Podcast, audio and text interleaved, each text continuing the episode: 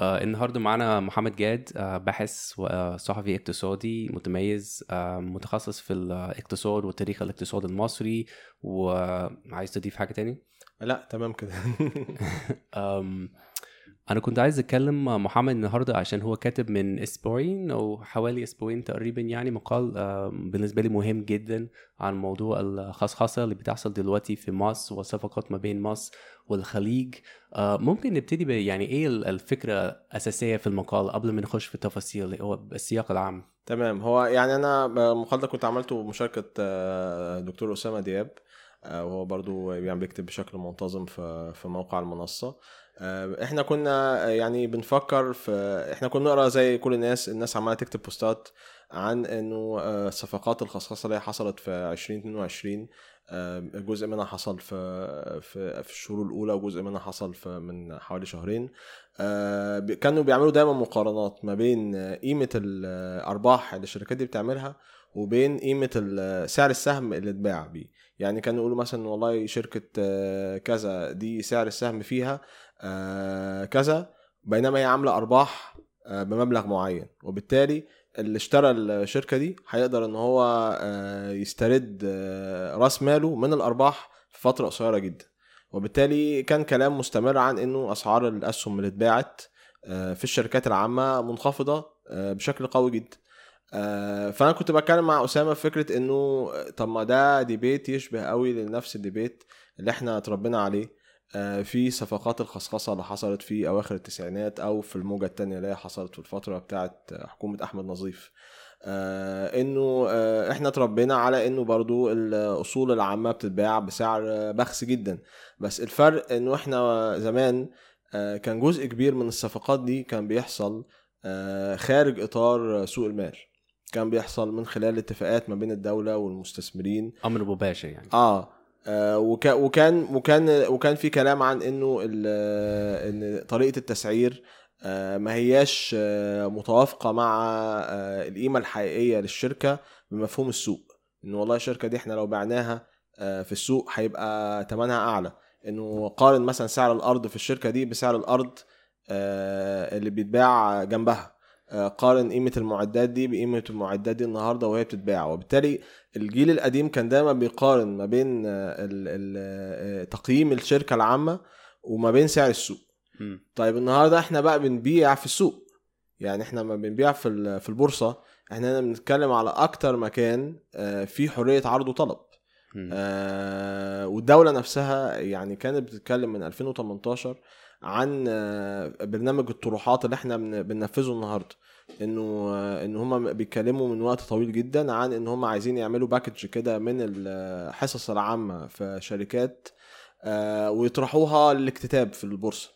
ال- هذا هذا هذه الاكتتابات اتأجلت بشكل متوالي آه، لأنه خايفين من فشل الاكتتاب نفسه. علشان الظروف ما كانتش لأنه كويسة. مفيش طلب قوي في البورصة. وبالتالي إحنا هنا بنتكلم عن عن عن سوق حساس جدا للعرض والطلب. فمع ذلك برضو لما بنيجي نبيع في السوق الحساس للعرض والطلب برضو بيطلع السعر رخيص جدا. ف... فده السؤال اللي إحنا ابتدينا منه. ليه دايما لما. بنبيع القطاع العام سواء بره السوق أو جوه السوق بيطلع السعر رخيص جدا؟ فيعني في التسعينات والعشرينات ممكن أعتقد يعني طبعا كان في دايما كلام عن الفساد. دايما الفساد كان جزء كبير بالنسبة للناس كتير. ع- ع- جزء كبير من المشكلة. بس دلوقتي ما حدش بيتكلم عن الفساد. فيعني إيه المشكلة؟ بالظبط. يعني هو هو ال- ال- الديبيت كان فعلا عن لجان التقييم. وافتكر يعني ال- الخناقة اللي حصلت في لجنة التقييم بتاعت شركة عمر أفندي وما قيل عن إن وزير الاستثمار عمل ضغوط على لجنة التقييم عشان خاطر تقلل من القيمة بتاعته. غير كمان الأحكام اللي طلعت من القضاء الإداري. بخصوص بعض صفقات الخصخصة اللي تمت. آه، بنتكلم يعني في هو زمان يعني قبل قبل ثورة يناير. آه، آه، كانت الأحكام القضاء الاداري هي طبعا كانت يعني احكام القضاء الاداري بتستند لثغرات قانونية في في قرار الخصخصة. بس في ديباجة الحكم نفسه كان في نقد عنيف جدا لطريقة تقييم ال- الأصول العامة. آه وإنه كان في حاجة اسمها لجنة عليا للخصخصه آه، كانت حاطة معايير للتقييم ال- أحكام القضاء الإداري كانت بتنتقد المعايير دي وشايفة إنها بتبخس من قيمة ال ال هذه الأصول. آه النهارده إحنا بنتكلم بقى في السوق السوق مفتوح وبالتالي مش من المفترض يبقى في مجال للفساد أو للتوجيه أو للضغط على عملية التقييم. آه، لكن برضو السوق وصلنا لنفس النتيجة. إيه إيه هو السبب بقى؟ آه بالظبط. يعني إيه هو السبب وليه؟ آه، طبعا إحنا حاولنا إن إحنا يعني ندور بقى على آه، كذا تفسير له علاقة بإزاي السوق نفسه بيقيم آه، الأصول وقت وقت الشراء. آه، آه، آه، أسامة ركز شوية على حاجة اسمها مضاعف الربحية. آه، وهو آه، مؤشر آه، بيعكس آه، علاقة آه، سعر السهم بالإيرادات اللي الشركة بتحققها. آه، وبالتالي هو هنا بيبص على نظرة ال- المتعاملين في سوق المال آه، لقيمة السهم آه، مقارنة بالاقتصاد الحقيقي بتاع الشركة نفسها. وكان بيشوف إنه إنه أحيانا نظرة المتعاملين في سوق المال بتبخس من قيمة الأسهم في الشركات العامة تحديدا بسبب النظرة إلى إنه الدولة هي بالطبيعة مستثمر فاشل. إنه في يعني في أدبيات دولية كانت بتتكلم عن ده إنه لما بيجي السوق يقيم القطاع العام تحديدا بيشوفوا بقيمة قليلة لأنه هو آه، تابع للدولة. آه، وهو شاف ان مضاعف الربحيه بتاع الشركات العامة في سوق المال المصري هي فعلا آه، أقل من آه، نظيرتها في القطاع الخاص. فده أحد التفسيرات. آه، بس ده مش التفسير الوحيد الحقيقة. يعني أنا اشتغلت أكتر شوية على آه، أساليب تانية في التقييم. ليها علاقة بالتوقعات المستقبلية للشركة. آه، وتحديدا آه، توقعات التدفقات النقدية بتاعت الشركة. إنه آه، المحللين لما بيجوا يشتروا شركة مثلا زي الصفقات الأخيرة ويحطوا لها تقييم آه، بيقعدوا يتخيلوا الشركة دي لأي مدى هي قادرة على إنها تدخل تدفقات نقدية منتظمة في الأجل القريب أو في الأجل آه، المتوسط. وطبعا بما إننا بنتكلم عن المستقبل فإحنا بنتكلم عن تقدير المخاطر آه، ال- ال- تقدير المخاطر عموما في السوق المصري ارتفع خلال السنة دي آه، بسبب الأزمات العالمية اللي موجودة وبسبب الأزمات طبعا المالية اللي موجودة جوه الاقتصاد المصري نتيجة ارتباطه بالاقتصاد العالمي. آه، فكان في تقديرات مرتفعة للمخاطر المصرية أثرت على تقييم أصول الشركات. فده ممكن يكون لعب دور برضو في جعل آه، الصفقات اللي بتحصل في دلوقتي بتبقى بتمن بخس على مستوى القطاع العام والقطاع الخاص كمان. يعني في نفس الشكوى موجودة لحد ما آه، في القطاع الخاص. ده ده ده جانب تاني برضو من آه، تفسير الموضوع. بس في جانب تالت بقى كمان له علاقة آه، بتفسير الاقتصاد السياسي نفسه. يعني إنه في النهاية أنت إيه اللي وصلك لمرحلة يعني إحنا من 2018 بنأجل آه، خطوة بيع حصص عامة آه، في برنامج الطروحات. والطروحات اللي إحنا عملناها آه، طروحات محدودة جدا يعني في ال- في الفترة دي. وجينا مرة واحدة قررنا إن إحنا نتوسع آه، بشكل كبير جدا في هذا النوع من الطروحات. وإحنا عارفين إن قيمتها هتطلع قليلة جدا. طب إحنا إيه اللي اضطرنا إن إحنا آه، نخش أساسا في في اللعبة دي دلوقتي؟ اللي اضطرنا في إن إحنا نعمل ده إن إحنا عندنا أزمة في آه، تدفقات النقد الأجنبي. آه، عندنا عجز كبير في القدرة على جذب تدفقات النقد الأجنبي وعندنا التزامات تجاه العالم الخارجي كبيرة جدا. فأحد الطرق المضمونة والسريعة لجذب التدفقات دي هي إنك تبيع حتى لو هتبيع آه، بسعر رخيص. وهنا أنا بشوف إن في حلقة اتصال بقى ما بين آه، طريقة الخصخصة في التسعينات ودلوقتي بتوفر لنا بتفسر لنا هم ليه وصلوا لنفس النتيجة.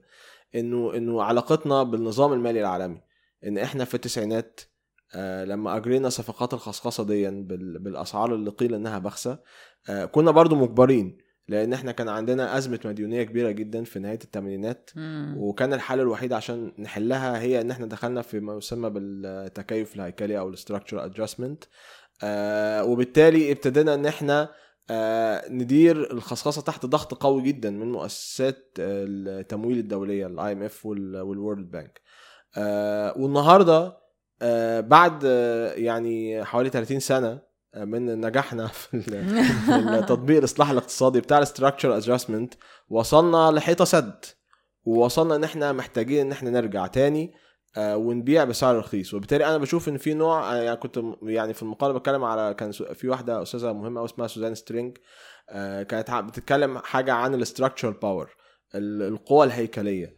وهي هي هي سترينج كانت يعني في الثمانينات مهتمه قوي بال إزاي النظام المالي العالمي أعاد بناء نفسه آه، مرة تانية بعد ما كان انهار تماما آه، في الحرب العالمية الثانية آه وإزاي لما عاد بناء نفسه خلق لنفسه نوع من القوى الهيكلية.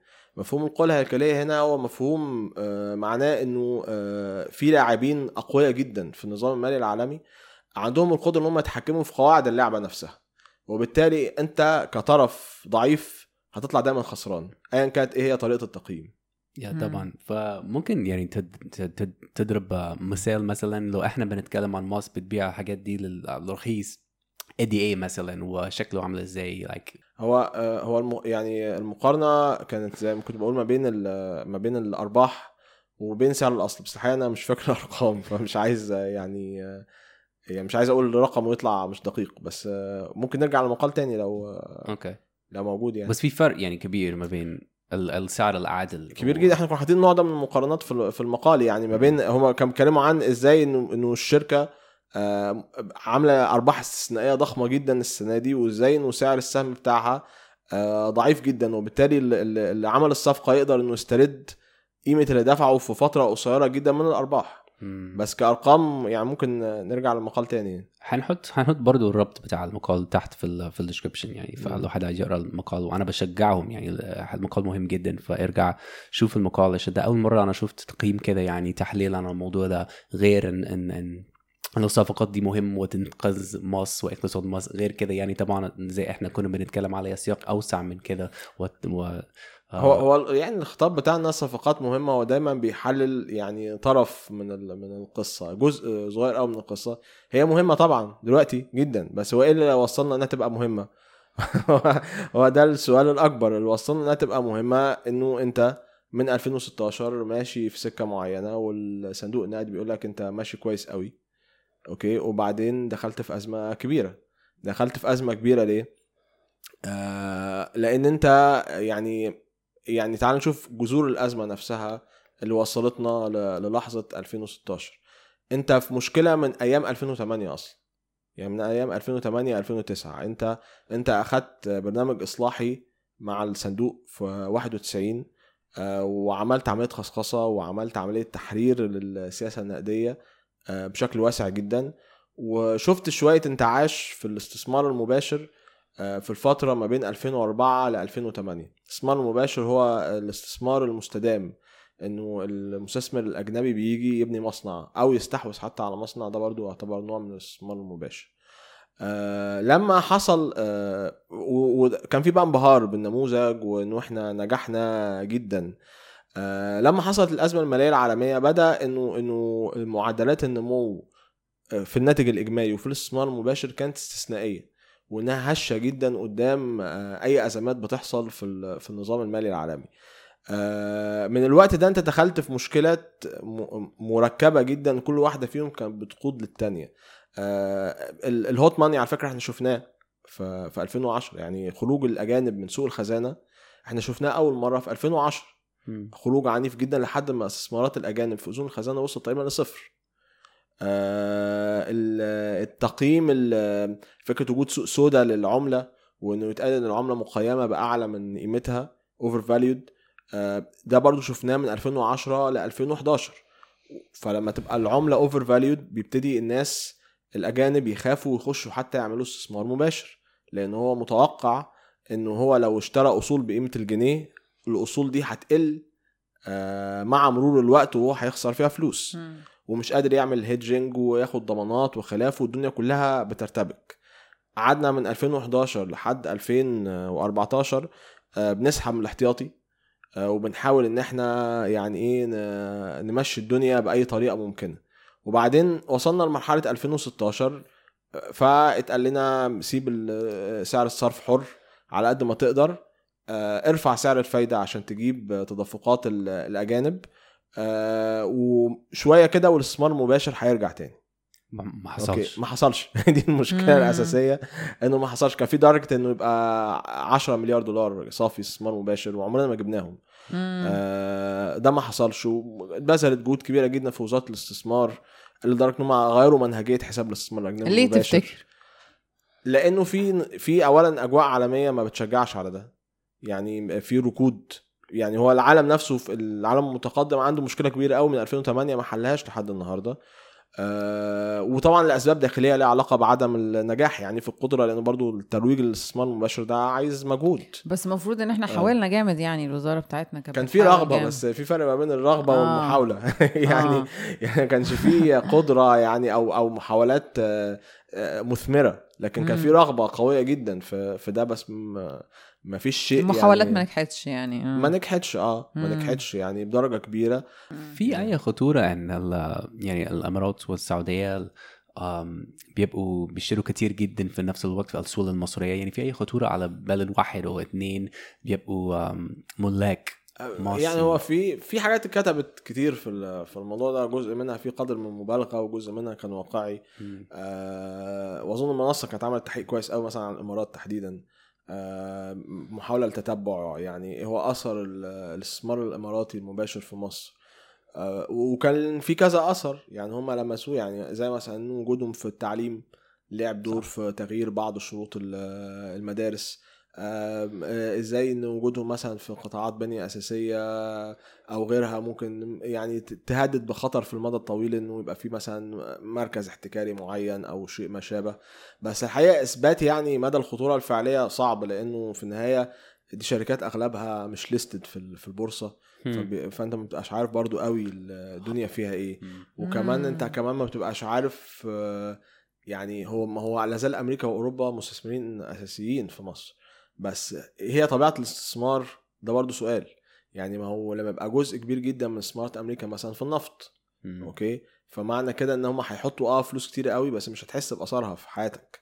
غير لما تبقى شركة مثلا دولة قررت إنها تحتكر مثلا أو شركة مجموعة كبيرة قررت إنها تحتكر صناعات غذائية معينة مثلا. فهتحس إنت قوي بده لو. هم قرروا إن هم يأثروا على السعر أو على ال influence بتاع البضاعة أو حاجة زي كده.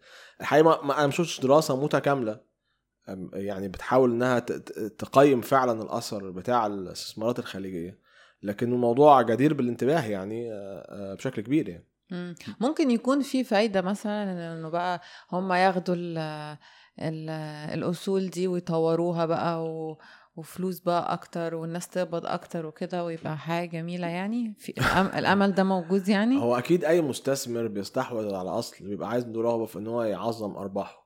آه بالظبط. يعني بس طبعا يعني ده باختلاف. هيجيبوا بقى أجانب يعني يديروا ال خلينا برضو نرجع تاني للمقارنة بين التسعينات والنهاردة لأن ده موضوع موضوع مختلف. آه، آه، في التسعينات كان في مشكلة إنه إنه الأصول فعلا اتصفت. يعني يعني يعني إحنا شفنا حالات مثلا شركة المراجل البخارية مثلا أوكي؟ شركة المراجل استحوذت عليها آه، شركة ومش عارف إيه وبتاع وكده وصلنا في الآخر لإيه؟ إن الم- المكن اتفك. والأرض بقت في حتة والمكن في حتة. وبعدين الأرض اتحولت لمشروع عقاري. okay؟ مم. ليه؟ لأنه ال- مع إن دي كانت صناعة نادرة جدا. okay؟ في مصر يعني دي من الحاجات اللي بيتباهوا الناصرين بيها جدا إنها صناعة شديدة الندرة على مستوى المنطقة كانوا بيصنعوا. إيه؟ معلش. المراجل اللي هي ال engine إيه؟ بتاع بتاع الصناعة نفسها. wow إحنا كنا بنصنعه؟ آه. فتفك خالص وتحول لمشروع عقاري. وده من أكتر القصص اللي يعني حزين بتقدم آه على إنها. يعني تعبير عن تصفية ال- تراجيدي. عن آه تراجيدي بالظبط بتاع بتاع القطاع العام. آه شركات مثلا الغزل اللي اتخصصت مثلا آه كان عندها رصيد أراضي كبير جدا. وكانت في مواقع متميزة جدا على النيل. ليه؟ لأنه زمان كانوا بينقلوا بيستخدموا الصنادل النيلية في النقل. آه. فعند لحظة معينة المستثمر اللي اشترى الشركة شاف إنه عنده شافهاش أراضي للتوسع الصناعي شافها أراضي للاستثمار العقاري. ده جزء كمان بقى من التغير ال fundamental اللي حصل في الاقتصاد نفسه إن هو بقى بيتحول لإنه الاستثمار العقاري بقى في سعر زيادة مستمرة. نتيجة آه، حاجات كتير قوي ليها علاقة بتغيرات هيكلية في دور ال- الاستثمار العقاري في الاقتصاد. دي قصة بقى تانية هنعمل حلقة قريب عن الموضوع ده. استنوها. دي قصة تانية كبيرة جدا. ف... ف... فده كله خلق ال... ال case اللي هي بتاعت اللي هي اللي إحنا اتربينا على قرايتها بتاعت إنه المصانع دولة بتتصفى وتتحول لشركات وبتتحول لفنادق. بعد ما كنا بنعمل صناعة ومراجل وتكنولوجيا ومش عارف إيه والعمال المهرة المراجل دي كان فيها مركز تدريب. المفروض إنه يخرج أجيال مستمرة متخصصة في الصناعة دي اللي هي صناعة دقيقة جدا. فطبعا المركز دي بقى اتهد والعمال راحوا بقى يشتغلوا بقى وي... تلاقي واحد بقى بقى بيشتغل حراسة ومش عارف إيه وقصص بقى شديدة التراجيدية يعني. آه ف بس هل ده بقى الكيس في الصفقات الخصخصة الأخيرة؟ أعتقد لأ طبعا لأنه الصفقات الأخيرة بتتكلم على الشركات هي استثمار مشترك بين الدولة وبين القطاع الخاص آه بتصدر آه، يعني دي حالات أعتقد الناجحة في القطاع العام لأن مش كل القطاع العام حصل له كده في في في حالات تانية آه، شركات تانية في الأسمدة في الكيماويات في في في الغزل والنسيج في يعني في حاجات كتير قوي في صناعات هندسية لا زالت مستمرة وقادرة إنها تبقى جزء من الاقتصاد العالمي. وبالتالي هنا المستثمر أعتقد مش هيفكر فيها بال- بالمنطق ده. بالعكس أنت بتتكلم في شركات يعني في ال في ال اسمه إيه في اللوجستيات آه، والمواني. ده أنت بتتكلمي إن أنت واخدة يعني موقع استراتيجي جدا في السوق مش هتفرطي فيه بسهولة يعني. مم. فممكن ف- يعود ده يعني أنا رأيي إن إحنا بس يعني. دايما لازم نحل الحاجات دي case by case يعني ما نستسلمش للتصورات المعممة مم. آه، بدرجة كبيرة يعني بس ما بس مش آه، آه، مش وارد إن هي تبقى تراجيدي كده زي زمان ويفك الصفقات الأخيرة يعني. أعتقد لأ مم. آه بس ما هو في حاجات لسه أخبار قدامنا كويسة لسه قدامنا برنامج طروحات كبيرة ما أعرفش حتى إيه اللي إيه اللي داخل فيه بالظبط آه. يعني. آه يعني لازال لازال الإغراء بتاع تحويل المصانع لمشروعات عقارية موجود لأنه القطاع العقاري دايما هو بقى أصبح السمة الأساسية ليه هو الارتفاع المستمر في آه. الأسعار. وبالتالي ده بيعمل نوع من اللي هو بيسموه هو للأسف الترجمة العربية يعني مش شائعة واللي بيسموه إهدار التصنيع بس ده ترجمة deindustrialization ودي ظاهرة موجودة في العالم النامي كله يعني. فلا زال ال ال ال يعني طفرة الريع بتشجع على deindustrialization بشكل كبير قوي آه، بس مش ده مش في كل الحالات لأنه في حالات زي ما بقول لك القطاع العام قدر إن هو يبقى integrated بالاقتصاد العالمي وللأسف وعشان يبقى انتجريتد بالاقتصاد العالمي ضحى بدوره الاجتماعي.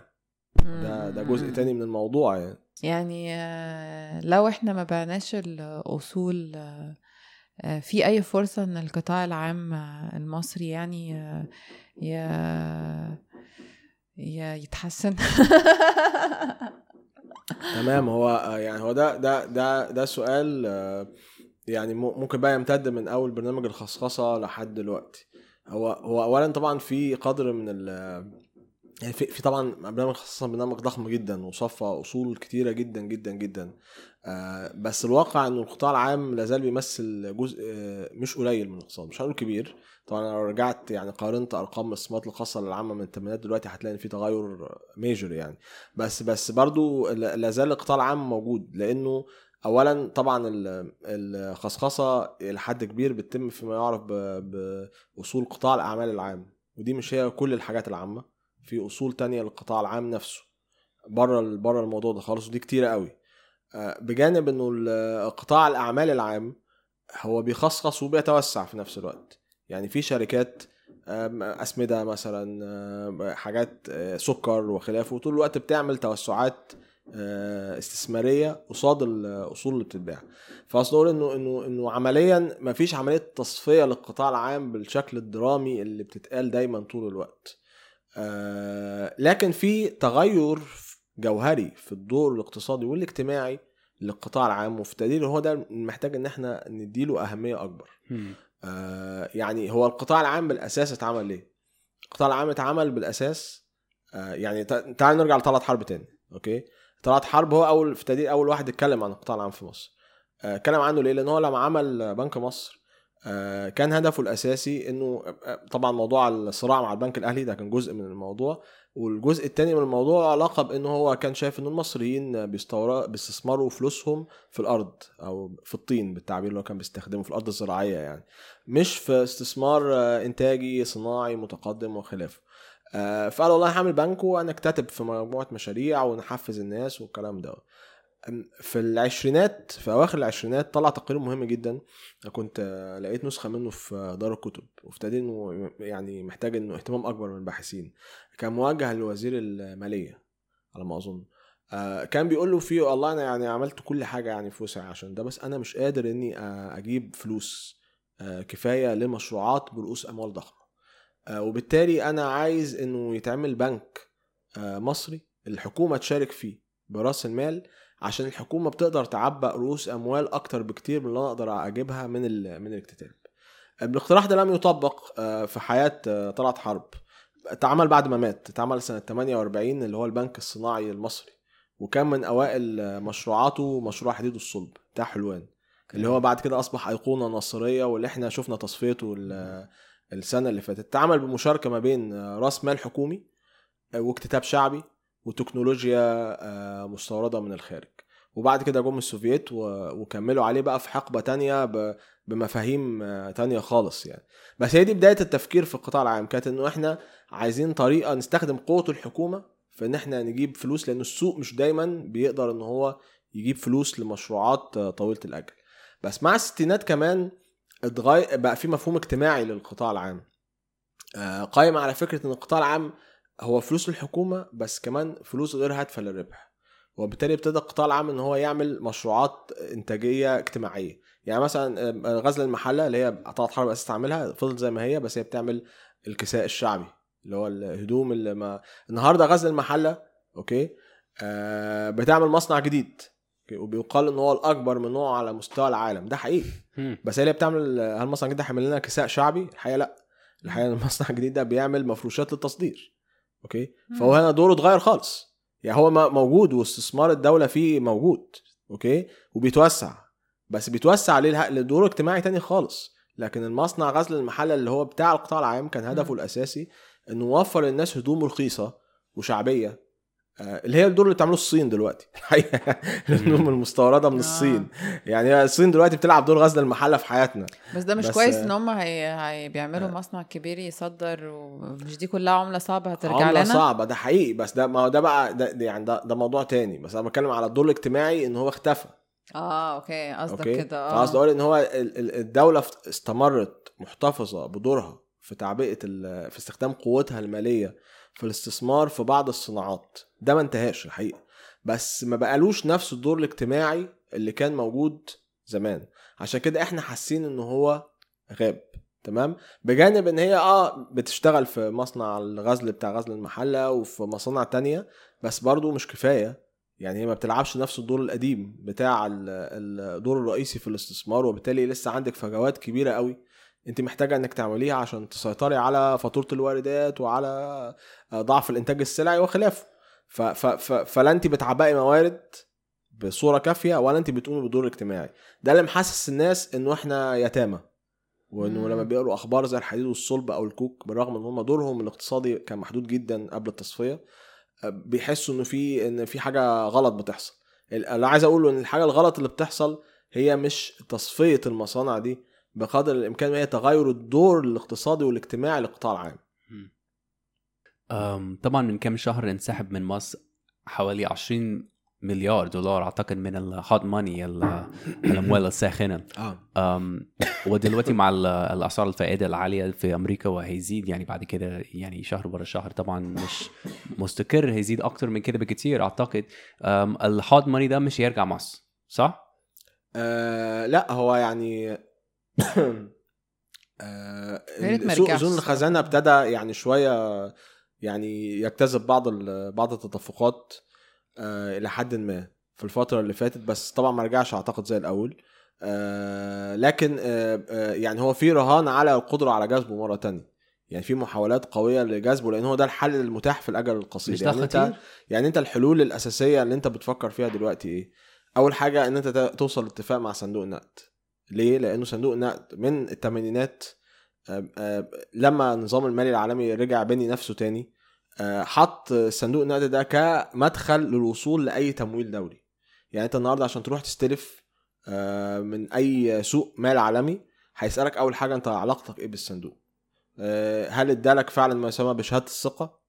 الس- شهادة الثقة دي معناها إن أنت بتتبع أساسات معينة مقبولة لأسواق المال الدولية. تمام؟ فانت عشان كده انت بتقود النهارده مفاوضات علشان اول حاجة تاخد شهادة الثقة دي وتعرف تخش تاني الأسواق الدولية تمام؟ مم. آه بعد كده بقى تبتدي تشتغل على فكرة إن أنت بقى تطرح يورو بونز أو إن أنت ترجع الأجانب تاني. طبعا عشان ترجعهم تاني لازم الأول تتخلص من الوصمة اللي على الجنيه. دلوقتي الجنيه موصوم بإن هو overvalued فعلى الأرجح هتحتاج إن أنت تعمل devaluation تاني عشان خاطر السوق شايفك مصعب تفتكر هو. فعلا overvalued ولا دي آه، هو ولا هو ولا دي مؤامرة منهم برضو علشان يفضلوا. يسرقونا آه، دي قصدي يعني ده موضوع فيه آه، debate كبير قوي آه، بس هو في النهاية ال- لما بيقولوا إن هو overvalued عادة بيستندوا لحاجتين بيستندوا أول حاجة لسلوك الناس في السوق نفسه يعني آه، الموضوع كله بيبتدي من إن أنت تروحي بنك تمام آه، أو شركة صرافة أو خلافة. تقولي له والله أنا عايز دولار. تمام؟ مم. محتاجه. آه، فما تلاقيهوش الدولار بنفس السهولة اللي كنت بتلاقيها قبل كده. تلاقي يعني تلاقي هيتأخر عليكي أو لو مبلغ كبير.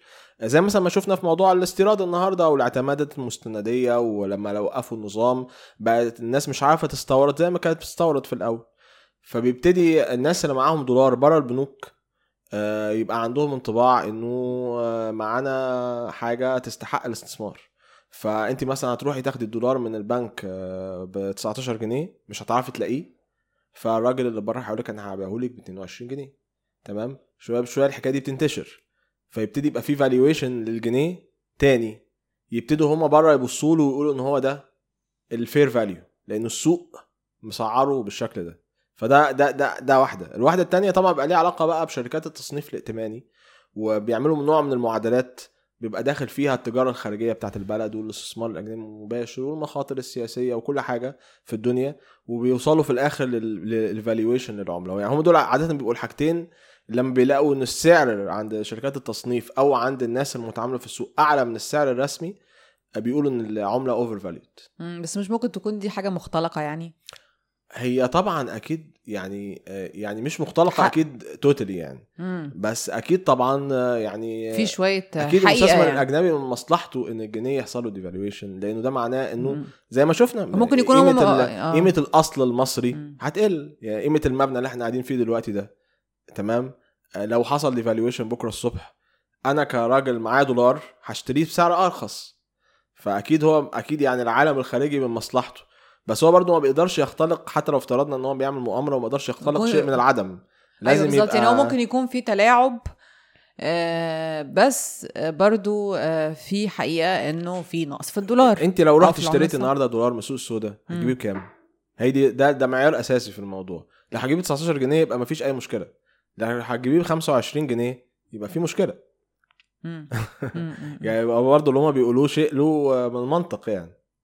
فهو الموضوع أنا كله كان قصدي بس إن ممكن يكون في تلاعب يعني ممكن يكون في آه، وارد. آه، بس آه، انت- انت بقالك ناس عندها مصالح فبتخترع رقم انت لغيتي نظام و... الاعتمادات المستندية من إمتى؟ أظن من آه، مارس أو إبريل. مم. تمام؟ ده كان إجراء غير رسمي أو غير معلن لتقييد الواردات.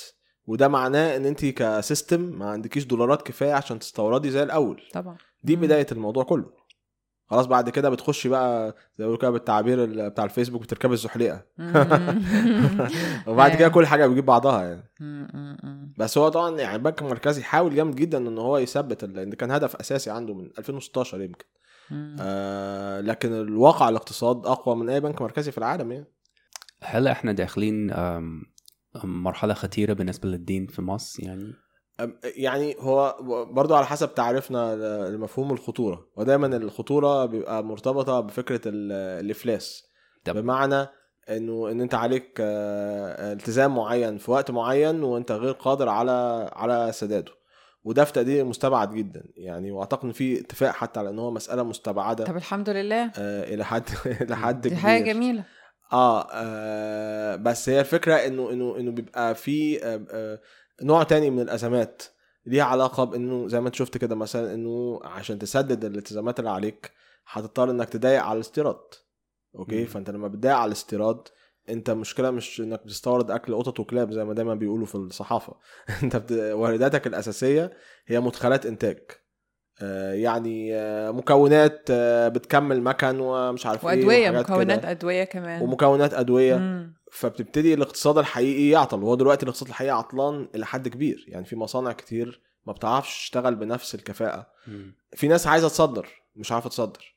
يعني في ناس بتشوف انخفاض العملة ده بالنسبة لها فرصة إنها تصدر أكتر. مش عارفين يصدروا لانهم مش عارفين يستوردوا مكونات إنتاجهم. فبتخش في أزمة هيكلية مستمرة. آه بتضطرك إنك تعمل نوع من التقشف بتضطرك إنك تفقد آه، فرص عمل وتبيع أصول أو تبيع أصول.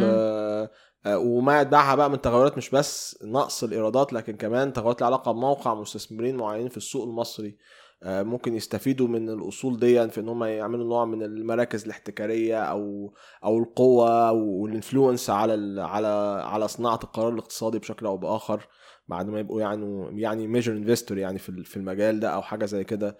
يعني يعني ليها تداعيات كتيرة فهي الأزمة على الأرجح اللي إحنا يعني أو الخطر اللي إحنا بنواجهه هو خطر الأزمة الخانقة المستمرة مش خطر الانهيار ال- المباشر العنيف يعني. أنا عارف انت ليك في تاريخ المصر تاريخ الاقتصاد المصري. ففي اي فترة أو في اي عهد في تاريخ المصر إحنا ممكن ناخد درس منه أو في اي حاجة ممكن نتعلم منه عشان نطبق الكلام ده النهارده؟ بص يعني إحنا إحنا ابتدينا آه، بداية طموحة جدا تمام؟ آه، في الفترة اللي ما بين العشرينات آه، لحد أواخر الستينات. ال 40 سنة دول كانوا 40 سنة من الطموح الفائق. وما أقدرش ادعي ان إحنا نقدر نعيد انتاج ال 40 سنة دول دلوقتي لأنه العالم اتغير. تمام؟ أنا هقول لك اتغير إيه اللي اتغير فيه بالظبط يعني. آه، بس أنا رأيي دايما ان إحنا محتاجين ان إحنا نستلهم الف- الجوهر الفكرة الأساسية اللي الأجيال دي كانت بتبص لها. انت كان عندك يعني ال- الاقتصاد المصري كان اقتصاد آه، يعني خاضع بدرجة كبيرة للاستعمار آه، البريطاني من آه، أواخر القرن ال 19 آه، وطلعت حرب لما أسس البنك مصر سنة 20 اتكلم عن آه، البنك الأهلي. البنك الأهلي في الوقت ده كان بنك إنجليزي. آه، وكان بيتكلم إنه البنك ده شافط الاقتصاد المصري بدرجة كبيرة جدا. إن هو كل الفوائد اللي بتطلع آه، بتروح له وهو بيعيد استثمارها بقى مش في في ديون محلية بيعيد استثمارها في ديون إنجلترا. بيشتري آه، أوراق إنجليزية بالأساس.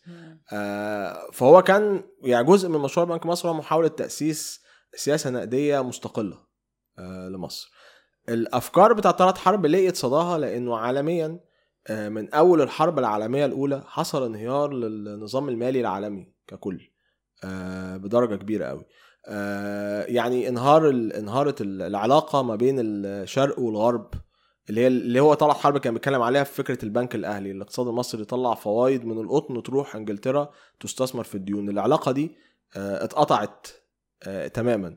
وانهارت قاعدة الذهب وانهارت طرق تقييم العملات. وكل مجموعة ابتدت تشكل لنفسها زي تكتل كده مقفول على نفسها فانهارت فكرة التجارة الحرة بالأساس. دي كانت أجواء سوداوية جدا. بس كان فيها ميزة. إنه ابتدت الناس تفكر إنها تستقل بنفسها. وعشان كده هتلاقي الجيل اللي هو بتاع طلعت حرب رغم إن هو جيل يعني برجوازي بس هو بيقول كلام هتلاقي اليسار اللي زال لحد النهارده بيقوله آه، عن إنه إحنا يبقى الجنيه بتاعنا مستقل وما نبقاش خاضعين. يعني في ال- سنة 43 آه، اتعمل حملة آه، تحت حكومة مصطفى النحاس. آه، كان شعارها لابد أن نتخلص من ديوننا الخارجية. ده كان شعارها بالظبط كده. آه بجد. آه ليه بقى؟ لأنه لأن هم كانوا شايف كانوا فاهمين كويس قوي إنه الاستدانة من بره معناها مش مش قصة استقلال واعتزاز بالوطنية والكلام اللي إحنا بنقوله النهارده ده. قصة ليها علاقة بمصالح ناس رأسماليين. هم فاهمين إن الاقتصاد هيخش في دايرة إن هو هيبقى مجرد آه، يعني بقرة بتتحلب علشان خاطر تودي اللبن لناس تانية بينتجوا وبيكبروا وإحنا هنفضل محلك سر. فهم عملوا اكتتاب شعبي في في السنة دي آه، عشان المصريين آه، يدفعوا آه، الديون الخارجية ويستبدل الديون الخارجية بديون محلية. فدي دي كانت الروح اللي كانت موجودة في الفترة دي. بس كان بيساعد عليها إنه النظام العالمي كان منهار وإنه صندوق النقد كان لسه يا دوبك هيبتدي وما كانش في حتى طريقة متفق عليها دوليا في تسعير العملات. فكان الجنيه زي الاسترليني فكان سهل قوي إنك تعمل النوع ده من التحولات. يعني كان في في في ظروف تانية كتيرة قوي إحنا استلهمنا بعد كده بقى في الخمسينات والستينات ال- ال- الروح دي آه وأخدنا كتير من أفكار حماية التجارة اللي كانت موجودة عند عند الأجيال دي وزودنا عليها بقى كمان نشأة آه، يعني بقى فكرة ال- إن إحنا مش لازم نتعامل بالعملات الصعبة ممكن نتعامل بالمقايضة. إن إحنا نصدر لدولة معينة قطن فنستورد منها قمح. إن إحنا علاقتنا مثلا مع السوفييت مثلا كانت إن إحنا بنصدر لهم سلع أساسية وبنستورد تكنولوجيا. ما هو عشان كده هم اللي بنوا التكنولوجيا بتاعة ال- بتاعة المصانع دي فده كان نظام يعني يعني قايم بالأساس على تصور إنه آه، كل ما آه، بنركز على الاقتصاد الحقيقي الإنتاجي أكتر آه، كل ما بنخرج بره دايرة التنافس على سعر الفايدة آه، العالمي وعلى جذب الأموال الساخنة في الديون كل ما يبقى عندك فرصة أكتر إنك تعمل بيئة صحية للنمو أكتر. okay؟ بس طبعا ال ال ال كل ده دخل في طريق مسدود من أول السبعينات نتيجة إنه من أول السبعينات عالميا آه، أعيد إنتاج النظام المالي العالمي تاني بصورة هي بقى كانت بتتكلم عليها سوزان سترينج القوة الهيكلية. وبالتالي ابتدت الدول النامية تبقى تحت آه، ضغط قوي قوي إنها تعمل structure adjustment وإنها تخش جوه عشان كده إحنا أول 91 أنا بعتبر إن هي دي ال turning point الحقيقية. إنه إنه من أول 91 ابتدينا بقى حررنا سعر الفايدة. يعني يعني إحنا سعر الفايدة كان عندنا قليل. ليه سعر الفايدة كان قليل؟ ده كان نظرة كينزية قوي. إنه إنه كينز ما كانش بيحب التنافس على فكرة سعر الفايدة دي عشان خاطر المصنع يعرف يتبني. ما هو المصنع عشان يستلف لازم يبقى سعر الفايدة عالي. ف... فقيل لنا لا والله سيبوا سعر الفايدة حر عشان خاطر تعرفوا تجيبوا آه، ناس يستثمروا في الديون بتاعتكم. فابتدينا نخش من التسعينات في المنافسة على آه، سعر الفايدة المرتفع. آه، سعر الصرف ما بقاش موجه اداريا بقى بقى حر. فابتدينا نخش في فكرة ال valuation ونظرة العالم لقيمة العملة آه، بتاعتك. فابتدينا نخش في منافسة إحنا مش قدها. وابتدينا بقى بعد كده أنا بشوف إن من 91 كل اللي بيحصل النهارده هو تداعيات للتحول ده. فاللي تقدر تستفيده من الفترة دي طبعا ما تقدرش تعيد إنتاج ده تاني لأن دي فترة تدور كده فترة فراغ للسلطة. يعني يعني ما فيش سلطة في العالم وبالتالي كل واحد كان بيحاول انه يحقق أماله. للأسف السلطة العالمية دي رجعت رجعت تاني بشكل أو بآخر. بس لا انت لازم ما يعني ال- ال- الأجيال بتاعت 91 آه وليه لا زال ليها امتداد لحد النهارده كانت وصلت للقناعات إن كلام الأجداد عن الاستقلال ده كلام غير واقعي. وإنه الكلام الواقعي هو إن إحنا نبقى more integrated وإن إحنا نخش في في اللعبة وهنكسب. متهيألي اللي بنشوفه النهارده يخلينا نعيد تفكير تاني في تصورات التسعينات وهو ده ده ده في رأيي أهم حاجة يعني. ده تفسير كويس قوي يعني للتاريخ ال ال السياسات النقدية. أم، وده موضوع الكتاب الجديد بتاعك؟ أب يعني إحنا كنا عملنا مع مع دار المرايا كتاب اسمه ماذا جرى لمشروع طلعت حرب. أوكي. آه، كان بيحاول يقدم زي تأريخ للسياسة النقدية المصرية. نقطة البداية فيه هو لحظة تأسيس بنك مصر. يعني إحنا كنا بنشوف إنه تأسيس بنك مصر مش مجرد تأسيس بنك قد ما هو بداية تفكير البرجوازية المصرية في آه، السياسة النقدية. آه، وبداية التصور لمشروع الاستقلال للسياسة النقدية اللي أنا كنت بتكلم عليه. آه، وبالتالي كنا بنقول بقى إيه اللي حصل لمشروع الاستقلال ده بعد كده. آه، ليه دخل في أزمة في الستينات وفي السبعينات؟ وإزاي في جيل جديد من أول التسعينات بقى شايف إنه ده موضة قديمة وإنه إحنا لازم آه، نشيل نشيله من دماغنا وليه هو وإزاي وصل لأزمة في الوقت الحالي؟ أنت حابب تضيف حاجة عن الكتاب والفكرة الرئيسية يعني؟ آه يعني هو هو يعني إحنا إحنا يعني كنا بنحاول إن إحنا شوية نكتب أو نؤرخ لمفاوضات آه، 89 90 الفترة اللي هي آه، بتاعة التكيف الهيكلي. لأنه ال- الفترة دي كان فيها ديبيت قوي قوي جوه الدولة المصرية نفسها. كان في جيلين. وال- والديبيت ده أنا شايف إن هو يعني مهم قوي إن إحنا نبص عليه النهارده لأنه يفهمنا طبيعة الأزمة اللي إحنا فيها النهارده. كان في جيل اللي هو ال- الجيل القديم آه، اللي هو الجيل اللي اتربى في الحرب العالمية الثانية على أفكار الحماية. آه، وعلى أفكار آه، الدين المحلي وطباعة الفلوس وخلافه. ده جيل كان آه، رافض تماما التعامل مع صندوق النقد. وفي جيل تاني من الشباب اللي اشتغلوا في الصندوق بنفسه آه، وكانت يعني بعض دوائر الحكم في مصر معجبة بيهم لأنه شايفين إنهم عارفين يتفاهموا مع مع الصندوق. ودول شايفين بقى إن الجيل القديم ده كلام فاضي خالص. مم. لازم آه، ننفتح ونشتغل مع مع الناس دي آه، ووصلنا في الآخر الخناقة دي لحل يعني ممكن تقول شبه وسطي شوية إنه آه، إنه حصل زي ما بقول لك يعني تحليل لسعر الفايدة ولسعر الصرف آه، وتأسس آه، سوق أذون الخزانة بصورته اللي إحنا نعرفها النهارده. آه، بس في مقابل ده كان في محاولة دايما للاعتماد على الدين المحلي بشكل أكبر. آه، وعدم التوسع في الدين الخارجي. آه، بعد أزمة 2016 أضف بقى على على ده إنه العقيدة دي كمان اتكسرت. وإنه بقى كان في فترة كنا بنشوف فيها إن الدين الخارجي حاجة مقبولة. آه، إلى حد كبير وما بتمثلش مخاطر وكانت بتطلع توصيات كتير قوي حوالين ال حوالين ال- التصور دوت.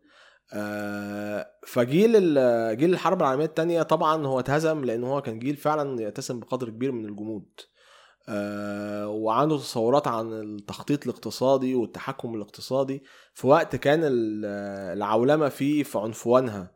وصعب قوي إن أنت تعرف إنك تقفل البلد وتفرض حماية في السياق دوت. هو كان جيل أشبه فعلا بالديناصورات اللي بتنقرض. بس بس الجيل التاني آه، ما قدرش ينتج اقتصاد قادر على إن هو يدخل قواعد اللعبة آه، وينتصر فيها زي ما كان متصور نفسه. آه، أقصى يعني حاجة كويسة اتعملت في الفترة دي هي الفترة من 2004 ل 2007 اللي اتحقق فيها معدلات نمو مرتفعة نوعا ما والاحتياطي زاد فيها و... وكانت العملة ثابتة لحد كبير. آه نتيجة إن الاحتياطي كان قوي يعني كان في حماية قوية جدا لل- للعملة. آه بس في النهاية آه، يعني دي كانت حماية هشة. ما قدرتش من 2008 2016 تصمد بعد كده وده أثبت إن هو نموذج برضو ما كانش آه ما كانش قادر على الاستدامة. فإحنا محتاجين إن إحنا نفكر النهارده في نموذج جديد في تقديري يعني في آه، أصلا؟ عالميا حتى صعب قوي. يعني آه، بقول لك يعني أي بلد؟ الأرجنتين تركيا كل الدول دي عندها نفس الأزمات بتاعت مصر وفيها ناس بيقولوا نفس الكلام اللي إحنا بنقوله النهارده. مم. فما فيش آه، ما فيش يعني حل سياسي مطروح النهارده الحقيقة. ما فيش بديل مم. سياسي. يعني معنى حكومة أو برنامج أو كده أقدر أقول لك إنه يعني حتى الطفرة اللي حصلت في أمريكا اللاتينية في فترة الألفينات آه والأحزاب اليسارية اللي وصلت للحكم وخلافه انتهت في الآخر إنها كانت معتمدة على الريع بشكل أساسي آه واستف... وإنها صعودها كان مرتبط ب... بارتفاع أسعار السلع الأولية اللي هي بتصدرها وما أن حصل انهيار لل... دي حتى انهارت هذه الأنظمة تماما والنهاردة هي أصبحت يعني شيء بائس جدا يعني. فللأسف هو مفيش حل سياسي بس في أفكار دايما مطروحة يعني آه، فيروفاكس مثلا آه، وغيره من اللي هو كان وزير المالية في اليونان وغيره يعني من الناس بيطرحوا تصورات بديلة بس أصلا إن مفيش حد تبناها كحكومة. عشان أقدر أقول لك إنه في يعني حل حكومي يعني. نموذج نجح يعني. وحتى إحنا دلوقتي في مصر مثلا يعني في بديل عن إحنا نتعامل مع ال IMF مع الصندوق يعني إحنا دلوقتي هن هنتفق على ال- القرض الثالث أعتقد يعني آه فيعني في أي بديل عنه وخلاص يعني مضطرين ناخد الفلوس ده علشان رغم كل التقشف وكل حاجة إحنا لازم نطبقها على الشعب مفيش بديل عنه في الأجل القصير قوي أنت في عنق زجاجة ضيق جدا فللأسف أي حد أعتقد يعني مش هيقدر إنه ما يعملش غير كده. بقى في الاجل القصير قوي بس السؤال دايما اللي بيتسأل في السؤال ده هو إحنا إيه اللي وصلنا لكده أصلا. وهل أنت بقى بتبني حاجة في الاجل الطويل عشان ما توصلش لده تاني؟ ده لأ. يعني يعني أنت أنت اللي وصلت نفسك للمرحلة دي وأنت ما بتعملش دايما حاجة عشان ما تجنبك الوصول للمرحلة دي في المستقبل القريب تاني. واخد بالك؟ فلكن أقول لك اضرب عرض الحائط بال IMF خلاص مش هتعرف توصل ل- لأسواق ال Eurobonds ومش هتعرف تجيب فلوس تاني وهتبقى في أزمة فعلا Yeah. آه بس المفروض إنك يعني ما هو ال IMF مش هيجي يجبرك على إنك ما ت- ما تجيبش موارد مستدامة مم. يعني هو في النهاية ما آه. هواش ما هواش حكومة يعني أنت فاهم بس انت انت انت اللي أنت اللي عن- أنت اللي عندك مشكلة بالأساس عندي سؤال ملهاش أي علاقة بأي حاجة إحنا اتكلمنا عنها بس أنا عارف أنت باحث وبتخش الأرشيفات ساعات وبتلاقي يعني حاجات لذيذة مش مش موجود في القطاع العام والمساحة العامة. أه، عمرك يعني لقيت أي حاجة يعني حسيت إن ده مفتاح فهم الأزمة إحنا فيها دلوقتي والاقتصاد المصري حاجة يعني محدش يعرف عنها؟ محدش يعرف عنها دي صعبة أو أو عم- عموما يعني ما وصلش الحاجات يعني لا أرشيفات سرية يعني لا لا مش مش مش بمعنى سرية يعني بس أنا بعتمد يعني. بشكل مم. أساسي على يعني جزء كبير ب- بيبقى بتلف في السور الازبكيه وفي الحاجات دي وبتلاقي حاجات دايما كنوز يعني. آه، بس بس هي ال ال ال يعني أكتر حاجة أنا أنا يعني كنت استفدت منها منها إلى حد كبير هو ال- كان الكتاب اللي هو كان بيجمع ال- الخطب بتاع طلعت حرب وال- وال- والخطاب اللي هو الافتتاحي بتاع تأسيس البنك المصري نفسه. أوكي. لأنه لأنه أنا لقيت إن هو راجل بيتكلم عن نفس المشاكل اللي إحنا بنتكلم عليها النهارده. آه بس الفرق إن هو عنده تصور يعني هو راجل راسمالي ما هوش يعني آه قومي ولا اشتراكي okay؟ ولا راديكالي ده راجل. إصلاحي جدا وابتدى حياته أساسا آه بيشتغل في شركات أجنبية. آه تمام وبيشتغل مع الأجانب طول الوقت. يعني حتى ما كانش معادي للقوميات الأجنبية زي ما الناس متخيلة بالعكس ده هو كان طول الوقت بيتكلم مع التايمز وبيقول كلام لطيف جدا عن إنجلترا لحد لحد آخر حياته يعني.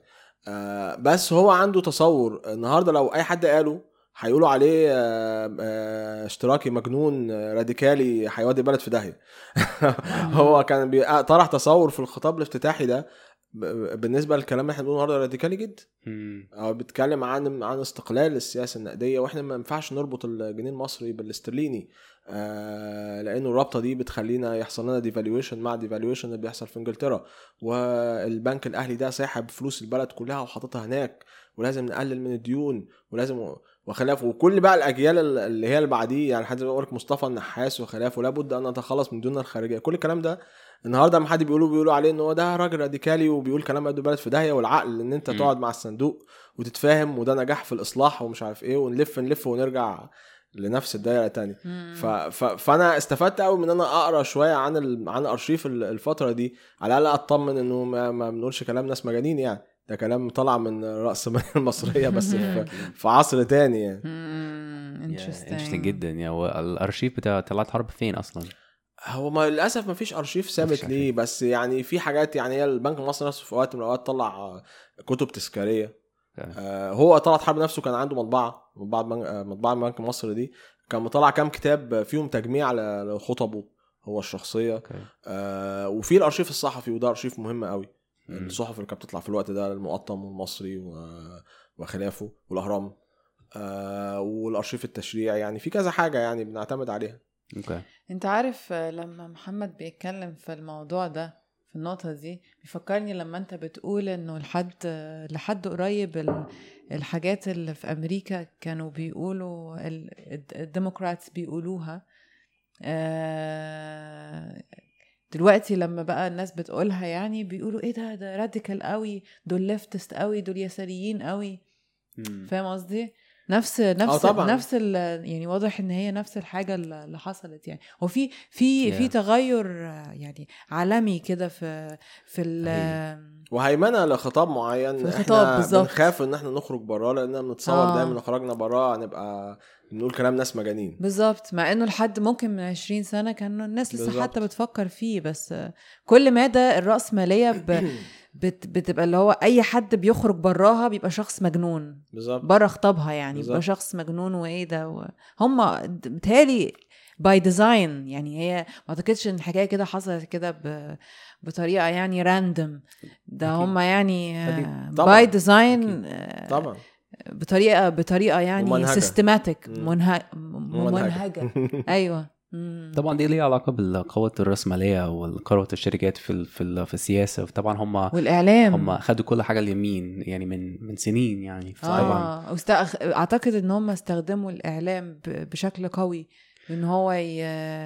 ي... يمشي في الطريق ده و... و... و... و... ويعزل أي حد آه، بيتريق عليه بيتكلم بره الخطاب ده يعني. صحيح. بس هو كمان جزء من ده له علاقة يعني كان في تحول في مواقف السياسيين نفسهم في الدول النامية.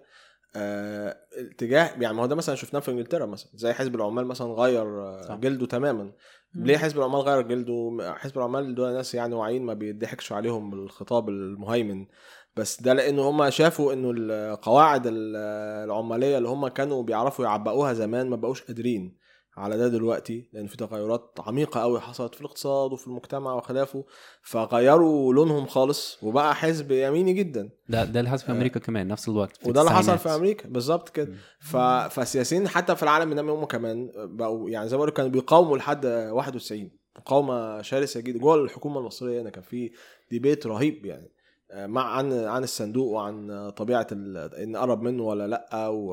وخلافه وعن القطاع العام وكان في تشبث رهيب بالقطاع العام. آه، عند لحظة معينه أعتقد السياسيين بيحسوا انه إنهم مش واقفين على أرض ثابتة وبيدوروا دايما بقى بعقلية السياسي اللي هي بتختلف عن عقليتنا إحنا كباحثين. يعني هو بيبص دايما على مصلحته. يعني مين ال- هي معادلة القوى اللي قدامه عاملة إزاي؟ مش في مصلحة الخطاب ده فبيمشي مع الخطاب التاني يعني. مفيش حل غير إن زي ما كنت بتقول لنا بره إنه ما يبقاش مصر واقفة لوحدها. أنا أنا بعتقد كده دايما. مم. يعني هو طبعا اولا يعني في اجتهادات يعني يعني محترمة جدا. يعني ال modern monetary policy مثلا theory آسف اللي هي النظرية النقدية الحديثة مثلا. وفي اجتهادات منها طالعة من أمريكا ومن إنجلترا اللي هي ضد ضد السياسة النقدية الحالية تماما. وكتابات بتاعت فاروفاكيس وكذا حد تاني في العالم عن نقد أدوار يعني إزاي إن البنك المركزي بقى بيلعب دور وزارة المالية.